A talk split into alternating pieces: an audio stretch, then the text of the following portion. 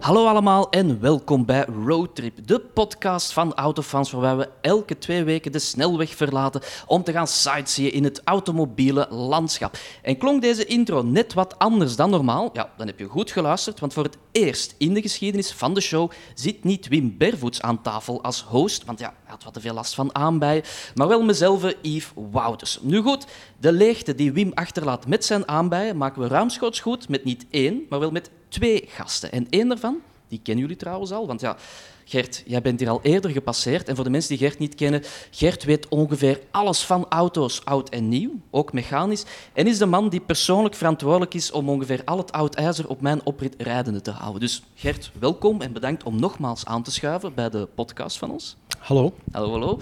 En aan de andere kant van de arena, we gaan ze niet laten vechten vanavond, alhoewel de nacht is nog jong, zit een man die al jaren, decennia eigenlijk, zijn schouders onder VAB zet en ondertussen ook doorgegroeid is tot hoofdredacteur van het VAB-magazine. Welkom Jan Kreten. Ja, dankjewel. En ik wil meteen een heel belangrijke vraag uit de weg werpen, die ik soms zie, de fout die mensen maken. Wat is nu het verschil tussen VAB en VDAB? De D. voilà, dus dat was de show. Bedankt. Op... Nee, hè, bedoel... wat- Werken. Zeg maar, Gert. Werken. Werken. Ah ja, ja, ja dat is waar. Hè, want VAB is uiteindelijk destijds gestart een soort van automobielbond. Nu, eh, we spreken 1924. Mhm, c'est Dus, eh, over over eh, drie jaar, honderd jaar. Mhm, mhm. Ehm, en VDAB is veel later. Dus eh, verschil is wel Ja, duidelijk. denk voilà. jullie waren eigenlijk de eerste. Hè. Ja, Voilà. Ze hebben de naam een beetje gestolen. Hè. Ja. Maar dus, ja, de naam hè, VAB, ja, we zitten nu ook in een, een, een shift van auto naar mobiliteit. Is dat iets dat jullie ook gezien hebben de voorbije jaren of de voorbije decennia, dat dat steeds wat opgeschoven is naar fietsen en, en steps en, en ook de motto en wat jullie doen veel meer. Ja, hè? absoluut. Hè. VAB is een, een mobiliteitsclub. Mhm. Ehm, VAB stond vroeger voor de Vlaamse Automobilistenbond. Zo is die ook opgericht in 1924. in, in 24. Maar ehm, uiteindelijk komt, eh, komt erop neer dat ja, tijden veranderen.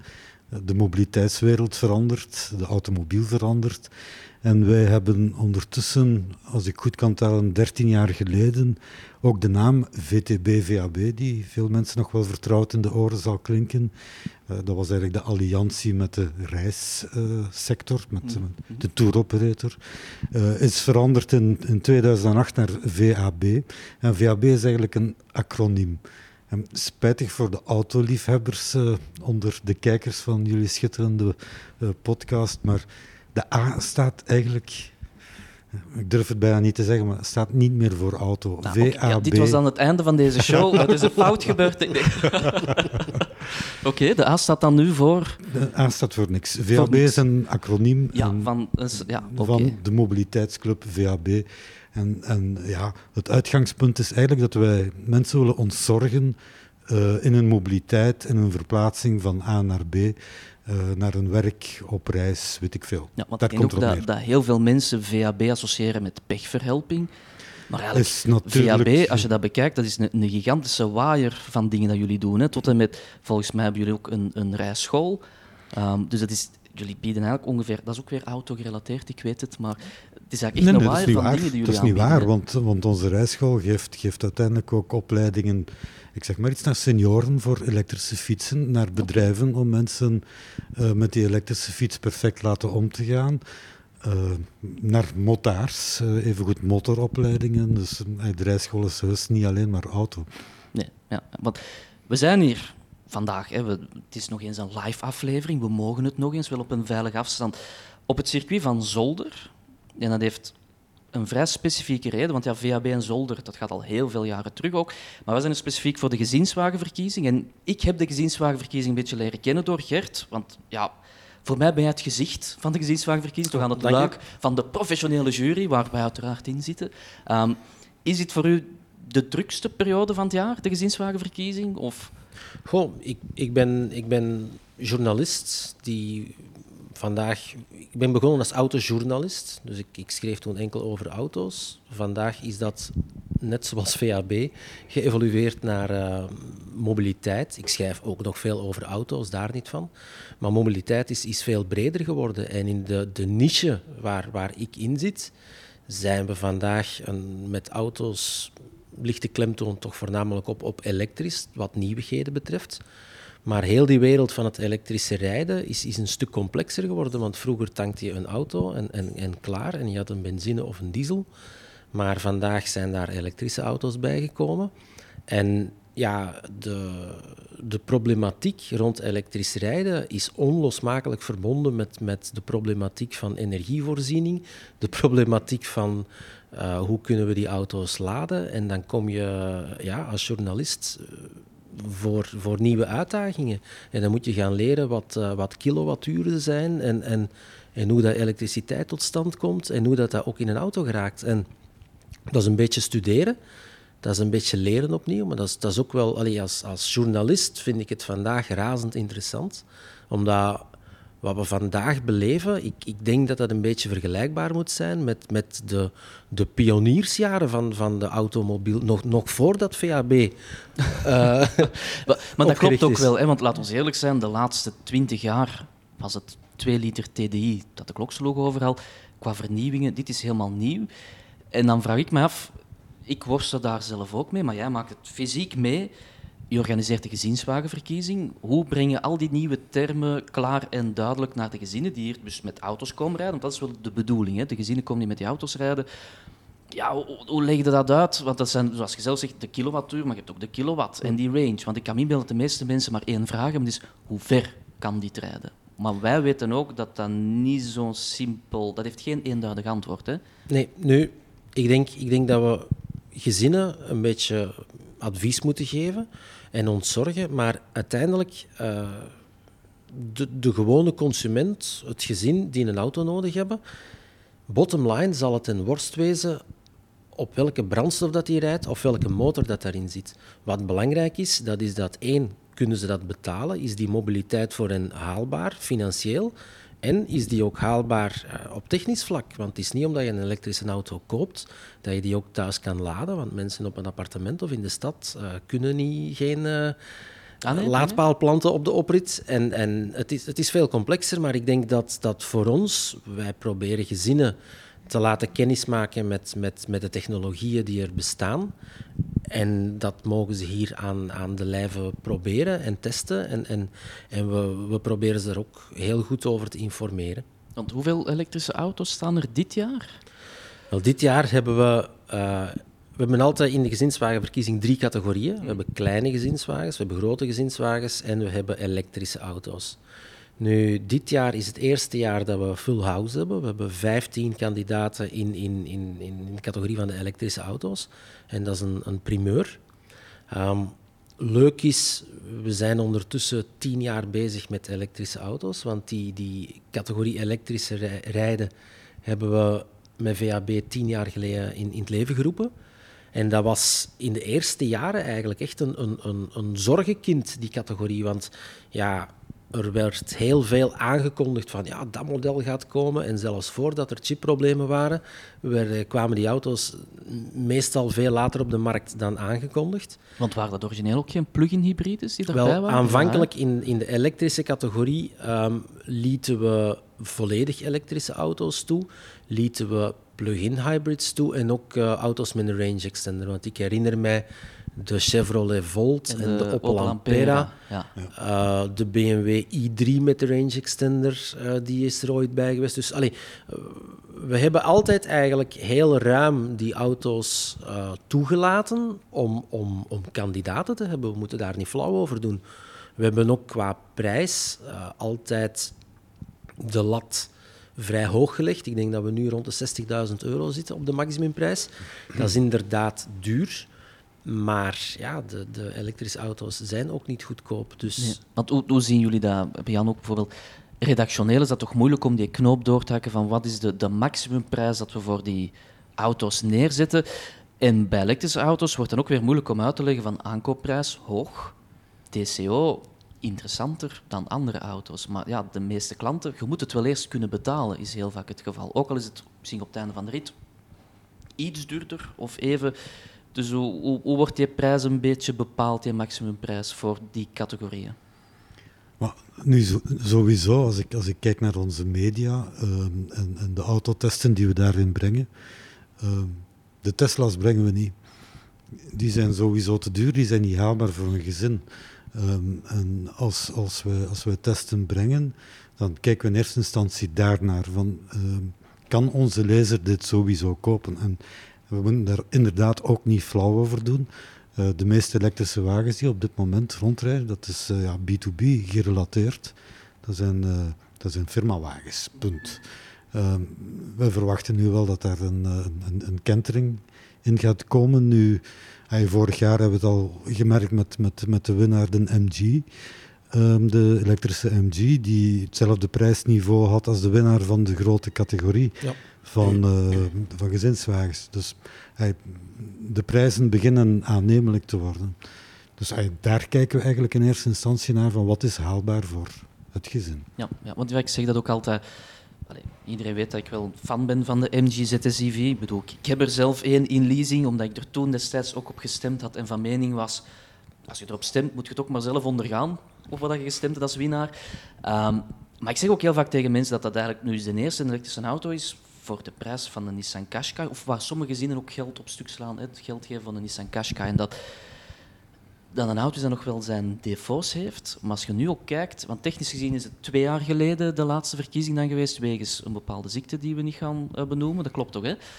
nee, vorig jaar is de verkiezing effectief doorgegaan. Is dat zo? Wij, ja, het, is, het is voor mij een COVID-jaar speciaal geweest. Hè? Ja, want daar heb ik nog mee gestemd. ja, ik heb meegestemd. We hebben vorig jaar de journalisten yes. in de mate van het mogelijke op afstand laten stemmen, omdat de meeste journalisten wel, wel met de auto's gereden had. Niet hier op ons testparcours maar wel uh, in, in het kader van individuele testen. En die duidelijk gebriefd ook van jongens, weet voor wat je stemt. Ja.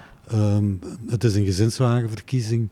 Het zijn wagens die ja, haalbaar moeten zijn voor gezinnen. Ja, nee, dat is wel 100 procent. En wat ik vind heel interessant, hè, die, die, die opkomst van de elektrische auto's. Voor VAB ook, de pechverhelping idem dito voor elektrische fietsen. Dat zorgt voor een hele ommekeer in hoe dat, dat ja, pechverhelping gaat werken de komende jaren. Absoluut. Hè, want onze wegenwachters worden daar permanent in uh, extra opgeleid om, om, uh, ja, om, om ook elektrische wagens van een heel andere problematiek met zich meegeeft, om daar pechverhelping aan kunnen uit te voeren. Maar fietsen uiteraard van, van hetzelfde. Ah maar dat is. Wat is dan de bedoeling dat, dat elke wegenwerker polyvalent alles kan oplossen? Of zijn er specifieke EV-wegenwerkers? Nee, het is uh, effectief de bedoeling dat, dat uh, elke wegenwachter daarin uh, mee is. Maar fietsen, ja, dat is uiteraard een andere problematiek. Hè. Is ook dat, dat mensen met fietsen, of nu een elektrische of een andere fiets is, die zitten vaak ook op andere locaties te fietsen. dan waar, waar auto's zich bevinden. En dat vergt ook een, een andere aanpak. En ja, daar zijn wij wel aan het, ook aan het investeren om op een andere manier uh, die mensen verder te kunnen helpen. Ja, ja, ja, dat is wel. Gert, wat mij opviel aan de line-up, want ik, kreeg de lijst van de deelnemers voor de gezinswagenverkiezing 2022 is het dan? Ja. 23, 22? We kiezen nu de gezinswagen voor volgend jaar. Voilà, is dat, um, wat mij opviel, heel veel Chinese merken. Dat is eigenlijk een beetje de primeur, hè? want technisch gezien was een MG vorig jaar het eerste Chinese merk, het enige potentieel dat uh, MG was, was de eerste Chinese speler, maar toch wel ook een beetje met op, op zijn minst een Europese naam en, en, mhm. en allee, economisch Europese roots. En MG werd ook via een, een conventioneel invoerderskanaal in de markt gezet. Dus wat dat betreft kon MG onmiddellijk op, op, op een beetje uh, ja, serieus rekenen. Yes. Uh, vandaag zitten we met, met ik denk, uh, vijf extra Chinese merken. En ja, dat zijn nieuwe producten voor ons. Um, voor mij was het een verrassing. Ik denk dat dat morgen voor de, de journalisten die gaan komen rijden ook wel een verrassing gaat zijn. Maar we, we zitten, ik denk dat we in totaal acht of negen deelnemers hebben van Chinese origine. Straf, hè? Ik vind dat heel straf. En voor mij is dit ook een, een heel rare verkiezing, omdat dit de eerste is waar ik aan deelneem, waar ik dus totaal nog niet al die auto's heb gereden. Hè. Meestal was inderdaad, we hebben het geluk om er in de jaren die auto's al te kunnen rijden, op presentaties, gewoon thuis al. En is het hier een kwestie van nog eens te herbekijken, af te vinken, of potentieel ene ertussen die nog niet gereden is, om even een toertje mee te gaan doen. Maar morgen ja, er gaan keiveel auto's staan, die, die, zeker die Chinese merken, die, die we dus totaal nog niet getest hebben. Dus. Ja, wel, maar daar zitten wel een, een aantal heel interessante dingen tussen. Want wij kennen die merken niet. Maar die, kerk, die, die merken liever zijn, zijn geen kleine jongens. Uh, daar Op zijn, internationaal vlak. Daar zijn behoorlijk. In China is het zo dat wil een, een Europees merk in China auto's bouwen, dan moeten ze dat eigenlijk gaan doen in een, in een soort fabriek of in een, in een samenwerking met een Chinese constructeur. En in ruil om dat te doen, moeten ze eigenlijk een beetje van hun technologie openstellen. Ik denk dat ze 20% van hun technologie moeten openstellen. En dat maakt dat ja, Chinezen hebben wel de reputatie om een aantal dingen na te maken. En je gaat dat zien dat, dat je morgen in een auto stapt en daar zit uh, een draaiknop die omhoog komt, zoals dat we in een Jaguar en een Land Rover gezien hebben. En een, een, een, een navigatieschermpje dat op, bovenop een dashboard staat, dat verdacht veel lijkt op, op, op wat we in een BMW al gezien hebben. Ja. ik bedoel, er zijn een aantal dingen die, die optisch, dat je zo zegt van oké, ja, dat hebben we al eens gezien. Maar um, een van de modellen die er morgen gaat zijn, de FAW Bestune, ik hoop dat ik hem juist uitspreek, uh, die, die heeft bijvoorbeeld een, een gerobotiseerde versnellingsbak en dat is een Volkswagen DSG. Ah, ja. dus ja, dat, dat, komt uit een of andere joint venture. Dat, ze dat, dat komt uit een joint venture en dat is eigenlijk één op één die technologie. En dan heb ik zoiets van, ja, die auto kost, uh, denk ik, 25.000 euro voor een grote SUV met dat allemaal in. Uh, ja, uh, misschien is dat wel betaalbaar voor gezinnen, want ik ben ook heel benieuwd hoe dat gezinnen daar gaan op reageren. Ik, ja, ik, ik, ik bekijk die auto als, uh, als journalist en dan tel ik airbags en dan zie ik dat er een aantal dingen niet in zitten. Maar um, bottom line, die auto rijdt niet slecht. Um, die kost 10.000 euro minder dan een vergelijkbaar Europees product. En dan gaat een mens misschien denken, en ik ben, ik ben echt heel benieuwd hoe de gewone consument op die auto gaat reageren. Is het dan zo'n beetje de, de opkomst, zoals we het ook hebben gezien destijds met de Japanners, met de Zuid-Koreanen, is dit zo wat hetzelfde verhaal? Want ik ben spijtig genoeg te jong om dat echt... Ja, de Zuid-Koreanen heb ik nog meegemaakt, bijvoorbeeld de Japanners die naar hier kwamen. Was dat toen hetzelfde gevoel rond? Van, kunnen we die serieus nemen? Zijn dit deftige producten? Ik weet niet, ik weet niet hoe dat jullie dat ervaren Goh, hebben. Ik denk, ik denk dat de Japanners die zijn niet lang goedkoop geweest. De Koreanen eigenlijk ook niet. En wat, wat de Japanners op, op 25 jaar gedaan hebben, hebben de Koreaanse merken op, op, op dik 10 jaar gedaan. En als ik zie hoe snel dat het nu met Chinese merken gaat, gaat het veel sneller. Want ik herinner mij vijf jaar geleden mijn eerste rit in Duitsland met een Brilliance en met uh, een Landwind waar dan achteraf niemand zei van ja, ik wilde die invoeren, waar iedereen dat ontkende. Maar ja, dat waren echt wel auto's met, met problemen. En, en als ik dan vandaag met een aantal producten rijd, ja, oké, die zijn minder verfijnd. En, en, maar om nu te zeggen dat dat op het niveau van die Brilliance van vijf jaar geleden staat, nee, daar is toch wel een serieuze stap gezet.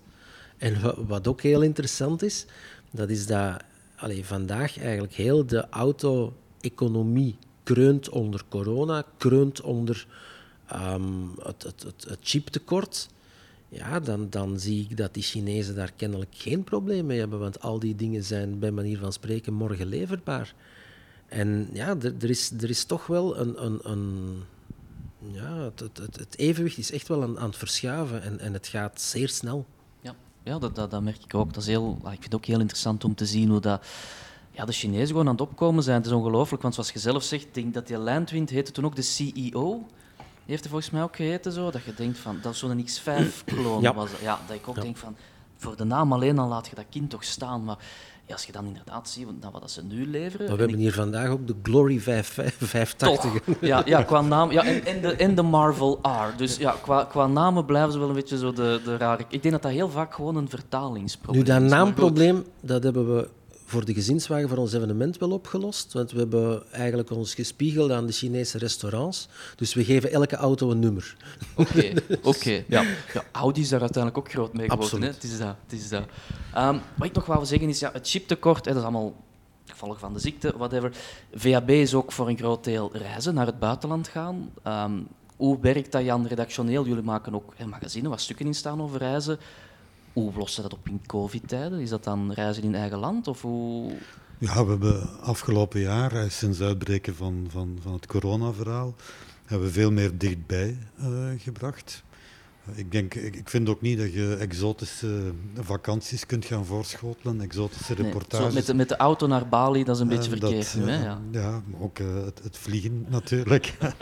nee, dat, je kunt dat niet maken. Uh, en in die zin hebben we ons ook redactioneel aangepast in, in onze toeristische reportages. En zijn we sowieso meer uh, binnen Europa gebleven. nu, dat doen we ook altijd wel.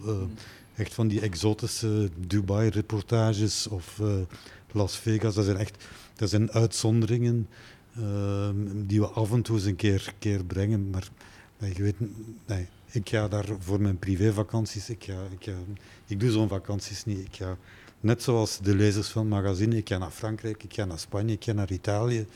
Ik blijf in Europa. En dat, dat we willen ook brengen uh, waar de lezers zelf naartoe gaan of waar ze interesse in hebben. En dat is eigenlijk het uitgangspunt van, uh, van de reportages. Ja. Ja, ja, dat is ook wel. Want ik kan nu, het, is, het is wel zo, ik moet eraan toevoegen, met, uh, met het COVID-verhaal hebben we met onze reisbijstandsverzekeringen wel een klein probleem gehad uh, afgelopen jaar. en ja, niet prettig natuurlijk. Die omzet is spectaculair naar beneden gegaan. Met hoogtes en laagtes. We hebben, we hebben, ook terug de opleving gehad. Ehm, ik ben nu eens benieuwd wat er eh, de komende weken, maanden te gebeuren staat. Ja, ja zeker nu. Eigenlijk de, de vakantieperiode komt eraan. Veel skireizen. Um, normaal gezien, hè, laat het ons daarop houden. Normaal gezien, maar als je kijkt wat er in Oostenrijk op dit moment gebeurt, bijvoorbeeld, I don't know. Nee. Het is op dit moment een beetje koffiedik kijken. Ik zou op dit moment geen skivakantie... ik mag het eigenlijk niet zeggen. ik zou geen skivakantie... Ja, het, is ook wel de, de, de, opname die we nu aan het doen zijn, die is eigenlijk vlak voor... Morgen wordt er een veiligheidsraad, um, of een veiligheidsraad, nog een gezondheidsraad nog eens gehouden. Um, ja. Op dan, als ik het me goed herinner, is het dan vrijdag 26 november? Klopt, ja. hè? Morgen is 26. Hè? Dus ondertussen, tegen dat je dit hoort of bekijkt, kan er al wel een aantal dingen beslist zijn. Dan mochten wij helemaal niet meer zitten, maar dus het is vooraf opgenomen. Dus we zijn nog safe, inderdaad. Nu, je zegt zelf we gaan op, allez, dat je vooral op reis gaat in, in Europa. Um, ik neem aan dat het dan met de auto is? Of? Nu, we zagen het vorig jaar, in de eerste fase eigenlijk van heel dit corona-verhaal. Uh, mensen bleven zelfs in het binnenland of uh, gingen, sprongen net de grens over. Dit jaar, 2021, hebben de mensen hun terrein wat uitgebreid, zijn wat verder met vakantie gegaan. Ja, nu is de vraag van, wat gaat de volgende stap zijn? Hoe evolueert het? Uh... Ja, ja. Wat mij trouwens ook heel hard opgevallen is, en feit of fictie, dat mogen jullie nu beantwoorden. Ligt het aan mij of is de marter heel hard opgekomen?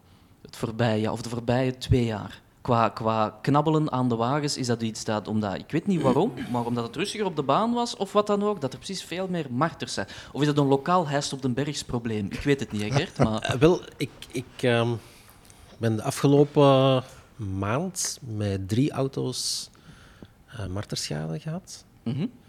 Dus het, uh, alleen bij ons in de regio is het wel erg fel, maar ik denk, allee, ik ben ene keer gedepaneerd door de collega's van VAB.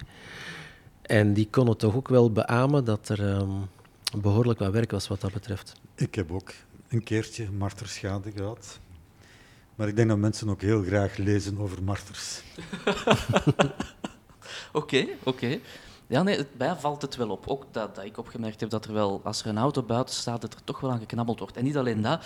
Als ik met de hond ga wandelen, s'nachts of s'avonds rondom mij in de wijken, bijna iedereen heeft tegenwoordig martersignalen geïnstalleerd. Het is echt wel heel hard opkomen, maar het lijkt vooral een huis op de bergsprobleem. Dus ik moet dat misschien eens met de lokale... Ja, het heeft ook te maken met de auto's, want er zijn bepaalde modellen die ze toch wel lekkerder vinden. Ja, wel, mijn vraag is, zouden de Chinese auto's lekkerder zijn? Dat is de grote vraag ook. Wel, tot hiertoe heb ik met Chinese geen schade gehad.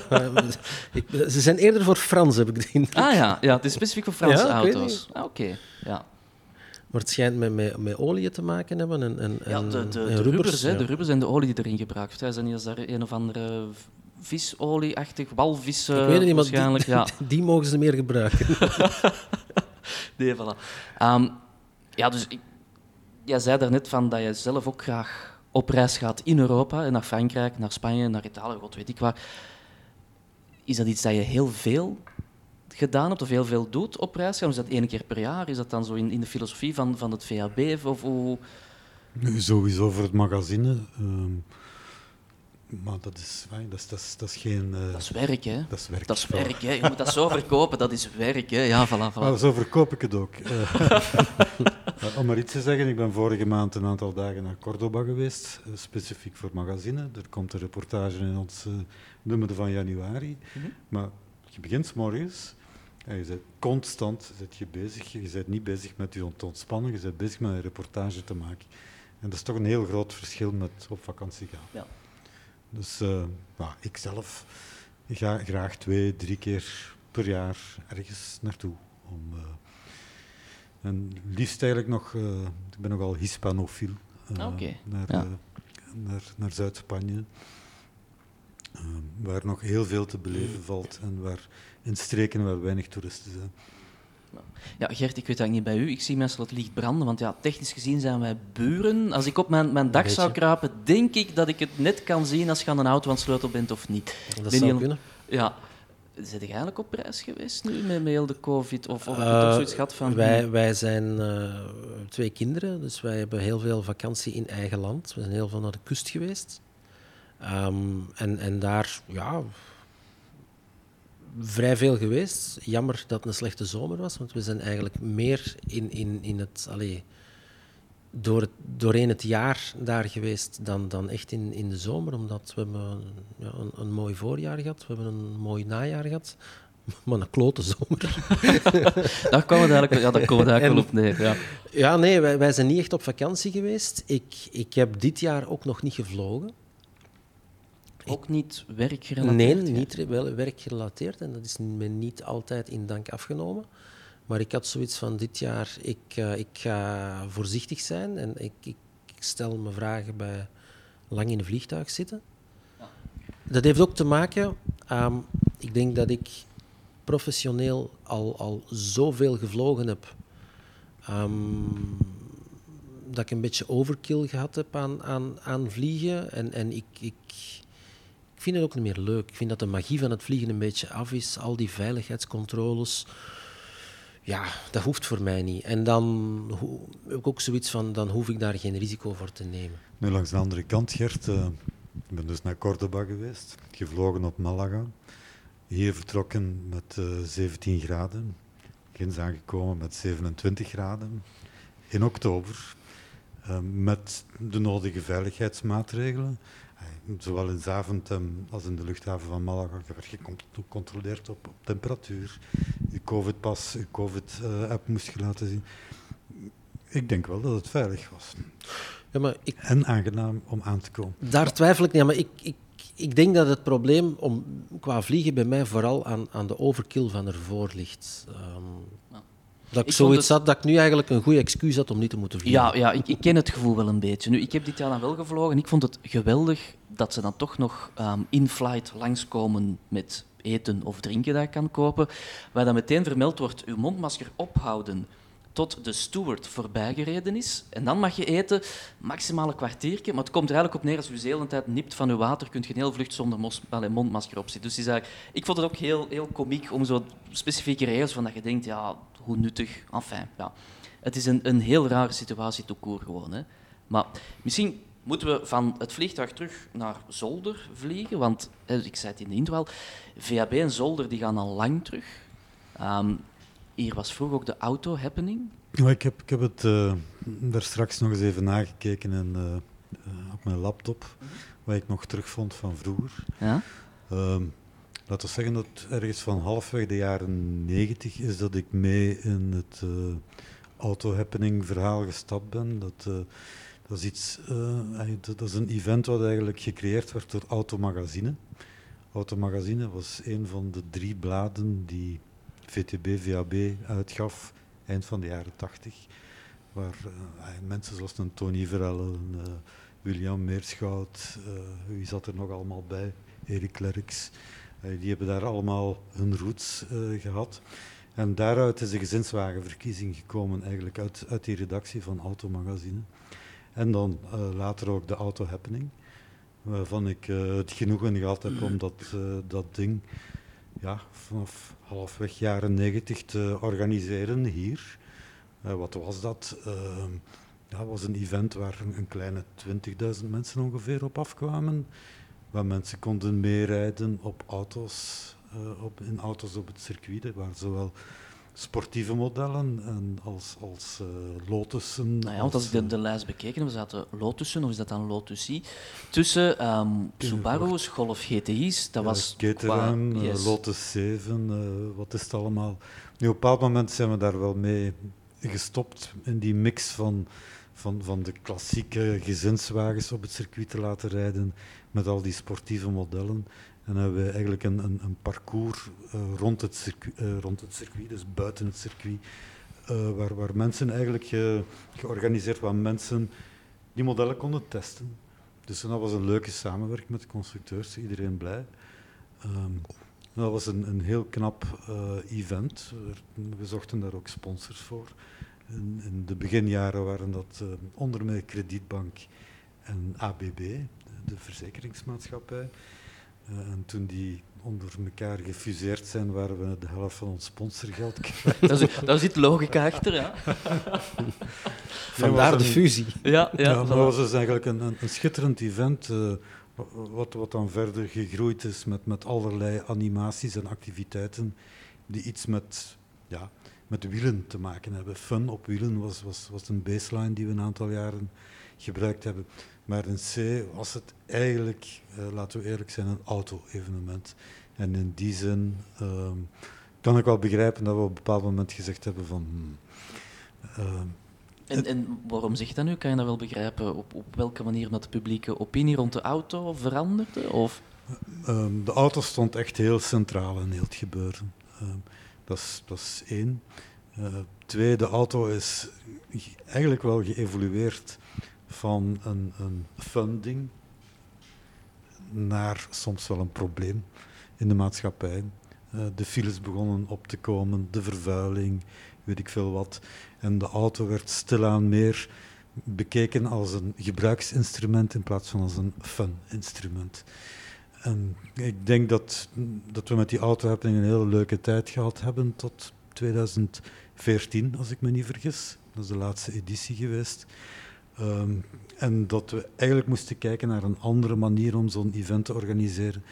Waarbij mijn droom was van, uh, we organiseren een happening rond mobiliteit. Een mobiliteitshappening waarbij je uh, evengoed uh, met fietsen, met steps, met weet ik veel welke middelen van vervoer, waar je mensen van kon laten proeven. Want dat was eigenlijk ook onze doelstelling. Mensen laten proeven van, van auto's dan in het verleden. Um, maar het evenement werd, werd zo duur uh, en sponsors zoeken was zo moeilijk. En het was ook onze hoofdactiviteit niet, uiteraard, om dat te doen. In die tijd was ik marketingmanager van bij VAB en mijn doelstelling was toen om VAB bijstand te verkopen of reisverzekeringen te verkopen. En geen... Dus jij stond hier dan pamfletten uit te delen? Ja, Oké.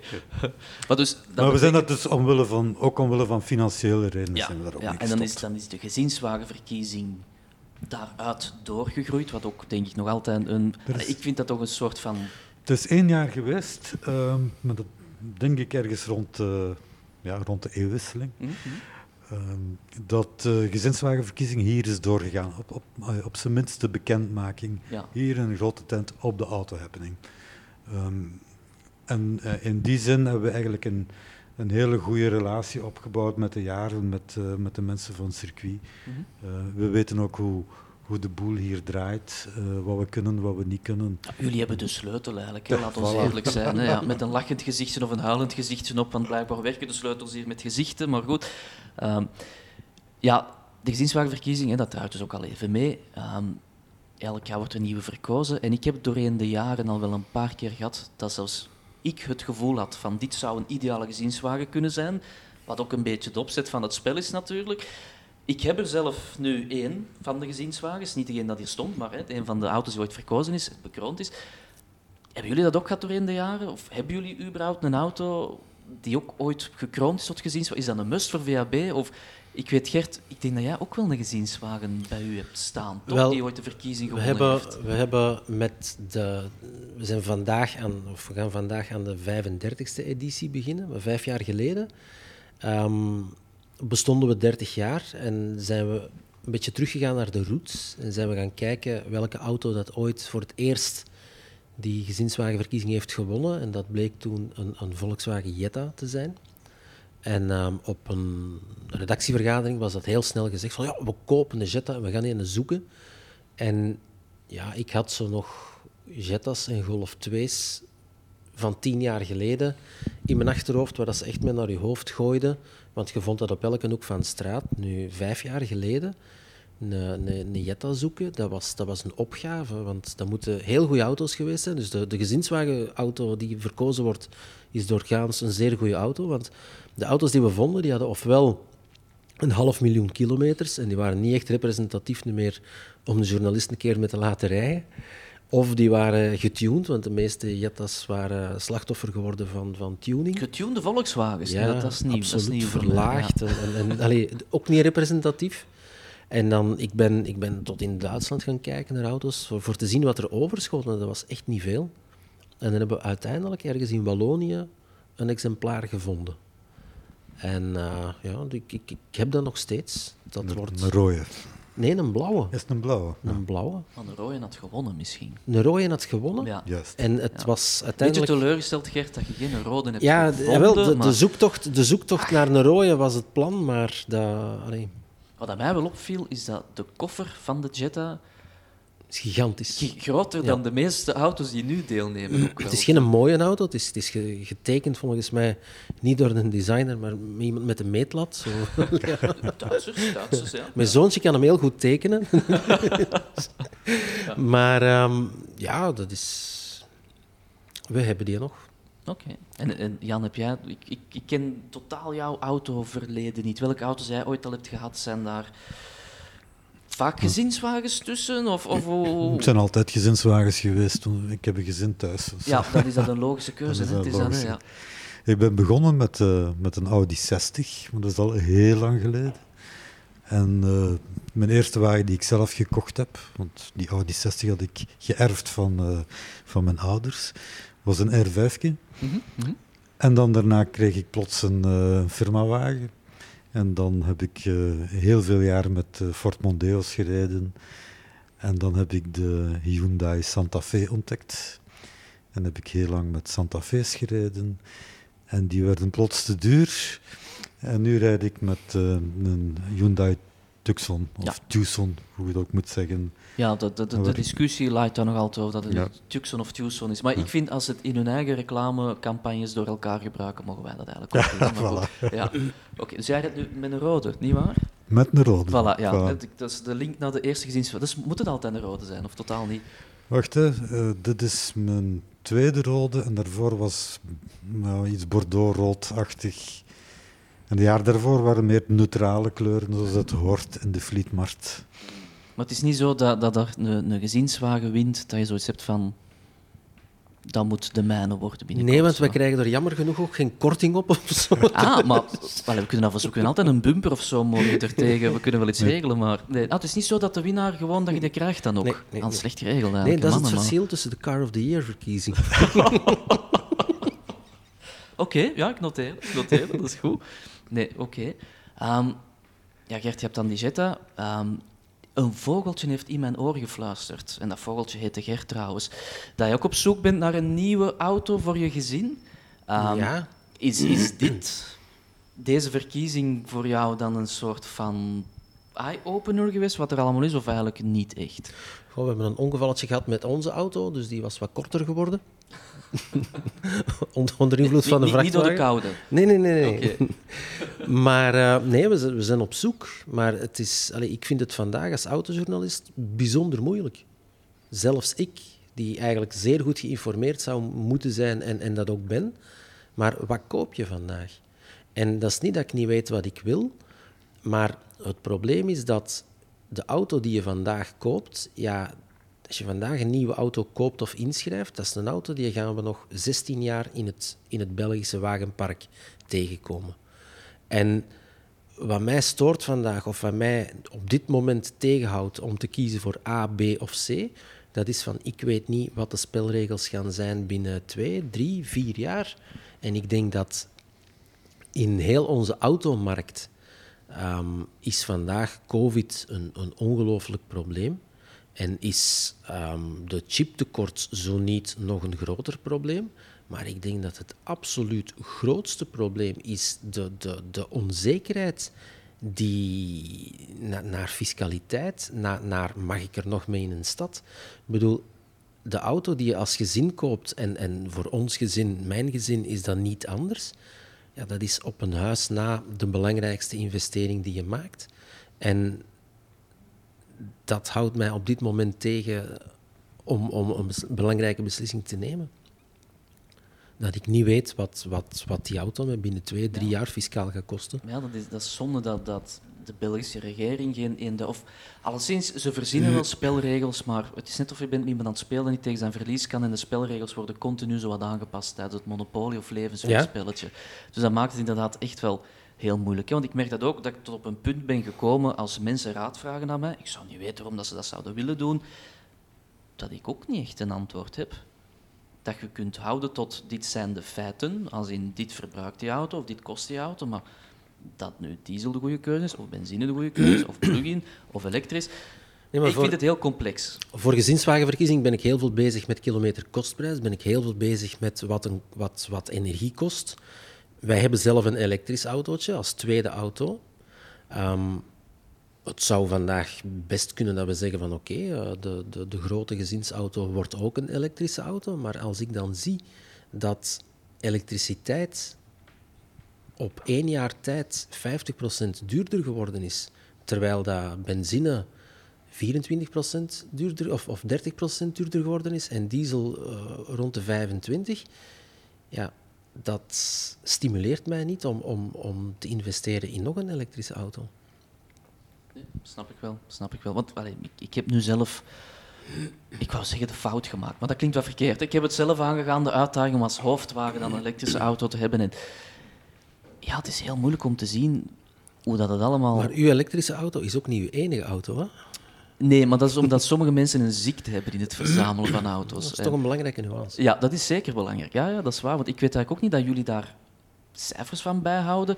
De gezinnen die hier komen, vragen jullie ook met wat die op dat moment rijden? Of hoeveel auto's dat die hebben? Of is dat data dat niet wordt bijgehouden? Wat ik vooral naartoe wil gaan is, zijn er veel gezinnen die maar dan één auto hebben, dat het hier ook dan echt is om te beslissen of er een volgende wordt? Of? Dat is een vraag voor Jan. Maar in, het geval van de gezinnen die we hier geselecteerd hebben om aan de verkiezing deel te nemen, nee, dat weten we niet. Nee. Okay. Ehm, we, hebben, we zijn wel bezig met een onderzoek, ehm, maar we gaan, het, we gaan deze gezinnen die in de jury zitten niet mee betrekken, om, omdat ja, je zit hier met een hele kleine groep.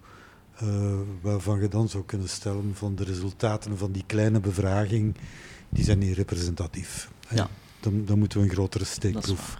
Want trouwens, zien jullie een, een groot verschil tussen wat de gezinnen kiezen en wat de professionele jury kiest? Of loopt dat toch wel vrij op? Ja, toch wel. Het is, het is misschien belangrijk om te weten hoe dat onze jury werkt. Mhm. Omdat we hebben eigenlijk drie juries in de gezinswagenverkiezing. we hebben enerzijds de professionele jury, we hebben de gezinsjury en we maken de kilometerkostprijsberekening, de TCO.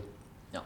Nu, die TCO, daar vinden we het warm water niet uit. Dat bestaat. Leasingmaatschappijen zijn er enorm mee bezig. Alleen maken die een, een berekening op vier jaar, maximum vijf, ik denk vier jaar by default. Gezinnen die rijden acht jaar met een auto gemiddeld. Dus die TCO-berekening die wij maken, is ook op acht jaar. En dat is fundamenteel anders, die cijfers, dan als je een auto op vier jaar afschrijft. Nu, die TCO-berekening is voor ons 20% van de stemmen. 20% is kilometerkostprijs. Um, 50% is voor de gezinnen. Ja. En de overige 30% is de, de professionele jury. Excuseer. En vroeger hadden we ehm 60% gezinnen en 40% eh, professionele jury. En omdat we dus zagen dat soms een auto die echt wel zeer efficiënt was, die zeer zuinig was, die, die, die allee, een Skoda qua. Ja, de, goede auto voor... nee, maar- ja, ja. Value for money, Ja, een voilà. motor die je kunt betalen, maar niet, niet echt sexy. Dat waren auto's die soms uit de boot vielen. Ja. En wat we vandaag hebben we een betere mix waarin dat gezinnen kunnen kiezen voor wat ze leuk vinden, wat ze ruim vinden, waarin dat journalisten kunnen toevoegen van die auto die rijdt veilig, die heeft die uitrusting. En hetgeen dat een beetje ontbrak, dat is een gezin die hier zeggen van, goh, die, een, eh, die Subaru, dat is toch wel een leuke auto. Want die rijdt leuk en die heeft vierwielaandrijving. En die gaan ze misschien opeenzetten. Maar ze gaan die misschien niet kopen. Als je aan de gezinnen vraagt van welke auto kiesde en welke auto zouden een bestelbon van tekenen, daar zit er ook nog mee een dualiteit. Ja, de, de kilometerkostprijs is eigenlijk een, een corrigerende factor. Ja, En, Ja, ja, eigenlijk wel, ja. eh, dat het ook echt... eh, ja, wat kunnen gezinnen dragen, dat dat iets meer meespeelt in uiteindelijk eh, eh, Ja, want ik kan me inbeelden dat zelfs hier sommige gezinnen een beetje verleid worden door, zoals je zelf zegt, een design. Maar ja, of een riante uitrusting. Ja, voilà. Maar dat willen we ook een beetje daarin corrigeren door... Allee, ik krijg soms het verwijt van een, een, een merk met goedkope auto's die zeggen van, oh, maar ja, ik ga daar eh, mijn, mijn merk X zetten en daar staat daar een, eh, een Volkswagen naast en, en ja, dat gaat een betere auto zijn. Maar door die kilometerkostprijs mee in de jury te pakken, als uw auto aan de basis goedkoper is, gaat je ook minder kapitaal moeten afschrijven en gaat uw kilometerkostprijs sowieso dalen. Dus een auto die goedkoop is, gaat misschien een beetje hoger klimmen omwille van zijn budgetvriendelijkheid. En een auto aan de andere kant, die misschien heel duur is, gaat een beetje in zijn eigen voeten schieten. Tenzij dat die duur is omwille van technologie, waardoor dat hem net heel zuinig wordt en dat hem wat hem meer kost goed maakt in zijn energie die hem niet nodig heeft. Ja, ja, ja. Dus we proberen echt een, een, een rationeel element toe te voegen. Er is goed over nagedacht. Ja, ja, maar ik geloof dat. Ik geloof dat ten volle. Ehm, ik neem aan, en dat is waarschijnlijk een geheim, maar goed, dat, het, ik kan niet anders geloven dat er elk jaar wel een soort van poelen bij jullie gehouden wordt op de redactie van heel de lijst van deelnemers van we denken dat die wel gaan winnen. Ik kan me niet anders inbeelden dat iedereen heeft een mening uiteindelijk. Dat je toch zoiets hebt van gevoeld dat van voor mij denk je dat die. Dat, ik wil maar zeggen, klopt dat ook vaak met wat er uiteindelijk gekozen wordt of niet? Dat bestaat. En dat is niet omdat wij eh voorkeuren Ah, nee, hebben. nee, dat is nee, eigenlijk gewoon om onze fotograaf te faciliteren. Want die moet tijdens het weekend foto's, foto's eh, maken. Ja. Die moet dit weekend 39 auto's gaan fotograferen.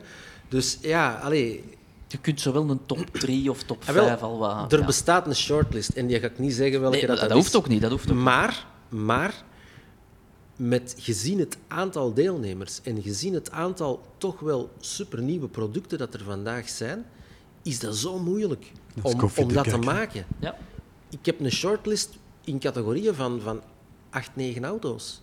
Die kon de fotograaf gaan Ja, meegeven. ja. Maar ja, ik, ik hoop dan dat hem erbij is. Oké, oké. Want eh, dat was dan vroeger wel, of allee, als, als de verkiezing dan uiteindelijk er is, er is altijd een soort van een aantal auto's. Niet dat je zoiets hebt, gut feeling van... mm, Om, om eerlijk te zijn, werken we eigenlijk echt niet met shortlist. Nee, ja, ik begrijp wel wat je bedoelt. Maar ik, ik heb ook heel vaak dat ik dan zo hier kom rijden of, of mee in de jury zit en toch wel denk van... Ja, voor mij is dit hands down de beste wagen. Hè, dat je ook naar prijs-kwaliteit kijkt. Ehm, maar dan wint er een compleet andere auto. En dan denk ik, heb ik gefaald als jury? Wat is er eigenlijk aan Nee, de maar hand? dat overkomt ons ook tot grote frustratie van de fotograaf af en toe. Voor het extra werk. Ja, die moet dan achteraf de, foto, een auto gaan fotograferen. Ja. Er moeten terug stickers op. Dus, allee, ik bedoel, ja, dat werkt niet altijd. Nee, nee, nee, dat is dan wel. Oké, goed. Ehm, ja, terug even naar het, het ruimere VAB. Dus de, de... Op een persoonlijke noot, Jan, de elektrische auto, hoe, hoe sta jij daar tegenover? Ehm, ja, dat is, en je ziet, dat, je ziet dat duidelijk ook bij deze verkiezing. Dat is een beetje een revolutie. een aangekondigde revolutie. Hè, met, met de MG als winnaar vorig jaar. We weten al lang dat de elektrische wagens aan het komen zijn. Kijk naar Tesla. Uh, langs de andere kant uh, stel ik mij de vraag: van, zijn we niet een beetje aan het vergeten dat de autonome wagens ook nog daar ergens staan te drummen om naar voren te komen? Wordt dat ook niet een belangrijke evolutie voor de komende jaren? Ik weet het niet. Het is een beetje koffiedik kijken. Dan kijk ik eerder naar Gert om een antwoord op die vraag te geven. Ik kijk daar evenzeer naar uit. Alleen, um, en nu spreek ik voor alle merken, als ik zie hoeveel veiligheidssystemen dat er vandaag in een auto zitten en hoe vaak dat die falen, dan denk ik, dan is mijn conclusie dat de autonome auto, die nog veel meer, die eigenlijk de som moet zijn van al die systemen die we vandaag al kennen, dat echt niet voor morgen en zeker niet voor overmorgen en ik denk zelfs niet voor volgende week gaat zijn. Omdat de technische stap die moet genomen worden nog zo groot is in de praktijk dat dat alweer een, een, een academische discussie is. Er zijn vandaag heel veel merken die, en Euro NCAP drijft dat ten top, die zeggen van, je kunt alleen een auto goed maken, die kan de maximum score halen als die 8, 9, 10 veiligheidssystemen heeft. En dan zie je dat, dat constructeurs die veiligheidssystemen erin gaan. En ik ga kort door de bocht, maar die bestellen bij Bosch of Valeo de kits om al die dingen te, erin te steken. En dat werkt, dat zit erin. Alleen, als je een, een, een systeem ontwikkelt in een auto dat ingrijpt in je sturen, dat ingrijpt in de manier waarop dat jij tussen de lijnen blijft, en dat grijpt soms in als het niet nodig is. Dat grijpt soms brutaal in. Dan, dan vind ik dat veiligheid verlagend. En dan rij ik liever met die spreekwoordelijke Jetta met winterbanden op. Dan rij ik veiliger mee dan met een auto die mij op een rit van 30 kilometer drie keer probeert te vermoorden. Of dat ik een stuurcorrectie moet doen omdat elektronica ingrijpt op een moment dat compleet niet relevant is. En dat indachtig denk ik dat autonoom rijden... Ik, ik ben zeer benieuwd en ik hoop dat ik mis ben, maar het zal niet voor direct zijn. Nee, ja. ik voel dat ook wel. Want ik heb ook het gevoel dat dat een los van die systemen inderdaad heel raar reageren vaak. En bij mij zijn dat soms precies van die pubers die continu anders reageren op dezelfde situatie. Um, voor mij lijkt dat ook een heel groot infrastructuurprobleem. Als we morgen alle treinsporen asfalteren en we laten daar auto's op rijden, die gaan perfect autonoom kunnen rijden. Want de, de, de invloed van externe omstandigheden, zoals fietsers, voetgangers, god weet ik wel allemaal, lichte voorsorteerstroken maar gaat die veel systemen, Die systemen die gaan ook werken op snelweg. Omdat hm? iedereen rijdt daar op snelweg, rijdt in dezelfde richting aan ongeveer dezelfde snelheid. En het aantal obstakels die je daar tegenkomt, dat is een vrachtwagen, een auto, misschien is een motorrijder, maar that's it. Want de vraag is ook of je... Nou, snelwegen, dat, dat is een eenvoudige infrastructuur uiteindelijk. De vraag is of je ook niet in stedelijke mobiliteit zo'n eenvoudige infrastructuur op poten kunt zetten. Waarbij je eigenlijk naar de toekomst toe vrijwel alleen maar autonome wagens gaat hebben. als, toekomstmuziek, hè. als een soort van aparte lijn dan in de stad. Of, ja. Ik weet het ook niet hoor. Ah, nee, nee, natuurlijk, maar ik vind dat ook een, een interessant. Maar noemt dat niet de tram? ja, maar zou dat niet leuker zijn als je allemaal apart in een eigen kokonnetje kunt zitten, Gert? Ja, dat is... Dat... Nee, maar kijk, kijk, kijk bijvoorbeeld, men, men probeert zoveel mogelijk zwaar verkeer, bestelwagens, eh, personenwagens uit de stad te weren. Ik kan me voorstellen dat dat een, een mooi alternatief zou kunnen zijn om voor het bevoorraden van winkels bijvoorbeeld, voor ja, voor het leveren van goederen, voor het brengen van personen van de parkings buiten de stad om te gaan shoppen. Ja, op een, op een eigen traject en, en dat je verschillende verkeersdeelnemers van elkaar gaat scheiden. dat kan werken. In luchthavens heb je het al. Hè? Oh ja, maar... Want is het dan ook niet een beetje een Belgisch probleem dat we gewoon, laten we eerlijk zijn, te weinig plaats hebben? Als ik in Nederland zie waar de fietspaden 30 meter ver liggen van waar de auto's rijden, dat is wat overdreven, maar goed, denk je van ja, is dit gewoon niet zoiets dat typisch niet kan werken in België, omdat iedereen zo opeengepakt en lintbebouwing... En... Ik, denk, ik denk dat dat een, een erfenis is van ja, het wanbeleid van uh, ja, de jaren na de oorlog, uh, waar voor zot gebouwd werd uh, zonder ook maar enige planning, wat ze in Nederland wel gedaan hebben. Ja, ja dat, dat, dat. daar heb je geen punt. ja, ik vind dat ook. Ik vind dat dan zonde, omdat zeker sommige steden. Ik, ik denk dan aan Mechelen, die investeren heel veel geld in het. En Gent ook bij uitbreiding. Dat dat nu goed of slecht is, laat allemaal in het midden. Maar zij proberen dat een beetje dat kluwe eruit te halen van hoe kunnen we het hier leefbaarder of die mobiliteit verbeteren. Bij de ene lukt het al beter dan bij de andere, maar ik denk dan ook van ja, als, als, het, als je krijgt wat je krijgt qua bebouwing, je kunt geen huizen gaan verzetten en verslepen. Nee, dus, dat kun je niet, maar wat je bijvoorbeeld wel kunt doen, is vermijden wat er in Antwerpen gebeurt, van dat je met je auto van de snelweg recht in het centrum van de stad kunt rijden, om daar je auto te gaan parkeren en te gaan shoppen. Ik vind dat waanzin, dat is niet meer van deze tijd. nee, oké. oké. Geert, heb jij dezelfde mening? Wel, ik ken de situatie in Antwerpen. Ik ken, ik ken vooral de situatie in Liergoed. Waar, waar, waar je eigenlijk... een- Ik voel een persoonlijke rant aankomen, Gert. Maar nee, ga maar. Nee, maar ja. het, het, het, het wanbeleid is overal hetzelfde. Maar ik, ik kan me vinden in een stad die een stadskern autoluw wilt maken. Dat kan ik helemaal begrijpen. Maar in Lier hebben we een aantal verkeersplannen achter elkaar gehad. Daar hebben ze nu eigenlijk het, het, het centrum voor een stuk auto vrijgemaakt. Daar hebben ze ook parkings uit het centrum gehaald. Maar daar hebben ze vooral het leven uit het centrum gehaald. Want in Lier heb je nu een situatie dat de winkelstraten leeg zijn, dat het verkeer dat van de ene kant van Lier naar de andere kant moet, dat die over de ring moeten, langs de ringweg. Dat de winkels verdwenen zijn in de winkelstraat, maar ook langs de ringweg zitten. En daar zit je nu met een situatie waar het, het intern verkeer van Lier op de ring zit, het verkeer van passanten ook op de ring zit en het winkelverkeer ook op de ring zit. En dat eigenlijk in de stadskern, dat daar niet eens een groot warenhuis is, dat mensen die bewust zouden zeggen van kijk, ik ga in de stad wonen en ik wil geen auto of ik wil het zonder auto doen, dat die eigenlijk verplicht zijn om ja, naar de rand van de stad te wandelen, daar een auto te pakken, naar de GB te rijden en dan vervolgens met die auto te gaan uitladen. Ik bedoel, dat is complete waanzin. En als je auto's uit de stad wilt gaan halen, dat mag je doen, dat is goed. Maar dan moet je vooral zorgen dat je infrastructuur hebt in de stad, dat je leven hebt in de stad, dat je winkels houdt in de stad, dat je ook kan zeggen van ik ga naar de winkel en ik doe dat zonder auto. Maar hier verplichten ze eigenlijk mensen om, om net die auto te pakken die ze dan ook wegjagen. Dus dat is beleid dat alle kanten op gaat. Een doordacht mobiliteitsbeleid. Ja, dat, voilà. eh, en, en ik noteer ook, Gert, dat je letterlijk gezegd hebt dat de auto leven in de brouwerij brengt. hè. Absoluut. Mag je erop Eh, We komen ook aan het einde van eh, deze aflevering.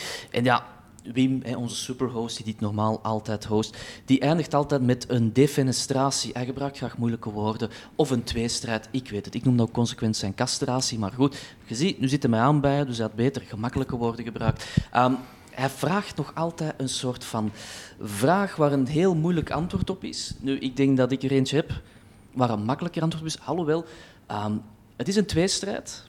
Dus ik ga jullie een vraag stellen. Je moet één van de twee dingen laten vallen met alle implicaties van dien. En dan heb ik het over reizen. Ik weet dat jullie alle twee best graag reizen, of dat je ook veel gereisd hebt, hè Gert? Ehm, Ik reis nog. Hè, voilà. Met Eh, auto. Ja, toch, ja, wel. Nooit meer reizen met het vliegtuig, met alle implicaties van dien, dat je dus in bepaalde streken niet meer raakt, of nooit meer reizen met de auto. oh, laat dat vliegtuig maar vallen. Ja? Ja, niet letterlijk liefst, hè, Jan, Nee. maar ja, ik snap wat je bedoelt. Ik snap wat je bedoelt. Ja, reizen met de auto dan. Ja, Oké. Ik sluit me daarbij aan. Ja? Absoluut. Oké. Toch straf dat autojournalisten zeggen dat ze liefst reizen met een auto. Dat had ik nu helemaal niet verwacht, eigenlijk. Maar goed. Ja, maar we zijn hier een roadtrip aan het maken. Wat wilde nu? Toch straf dat niemand vliegtuig zegt. Zeg. Ongelooflijk. Nee, super. Ehm, ja, dan wil ik jullie bedanken. Ik wou zeggen om naar hier te komen, maar technisch gezien ben ik naar jullie gekomen, hè, want jullie waren volop alles aan het klaarzetten voor de gezinswagenverkiezing. Eh, Gert, ja, jij gaat mij morgen terugzien. Absoluut. Sorry daarvoor. Welkom. Ehm, Jan, ik weet niet dat ik jou hier morgen ook ga terugzien. Absoluut. Ik geef een slaapzak bij. Alvast sorry daarvoor. Eh, ja, dat ik eigenlijk beter gedaan, daarover nagedacht. En dan, ja, voor de kijkers en de luisteraars kan ik alleen nog maar zeggen bedankt om te kijken en te luisteren, of alle twee. Ehm, vergeet zeker niet om, als jullie op YouTube kijken, de video te liken en jullie te abonneren op ons Outfans-kanaal of gewoon te commenten wat jullie ervan vonden. En binnen twee weken zien jullie ons terug in een volgende roadtrip met nieuwe gasten. En Wim gaat dan met heel veel plezier, denk ik, hopelijk terug zijn. Tot de volgende.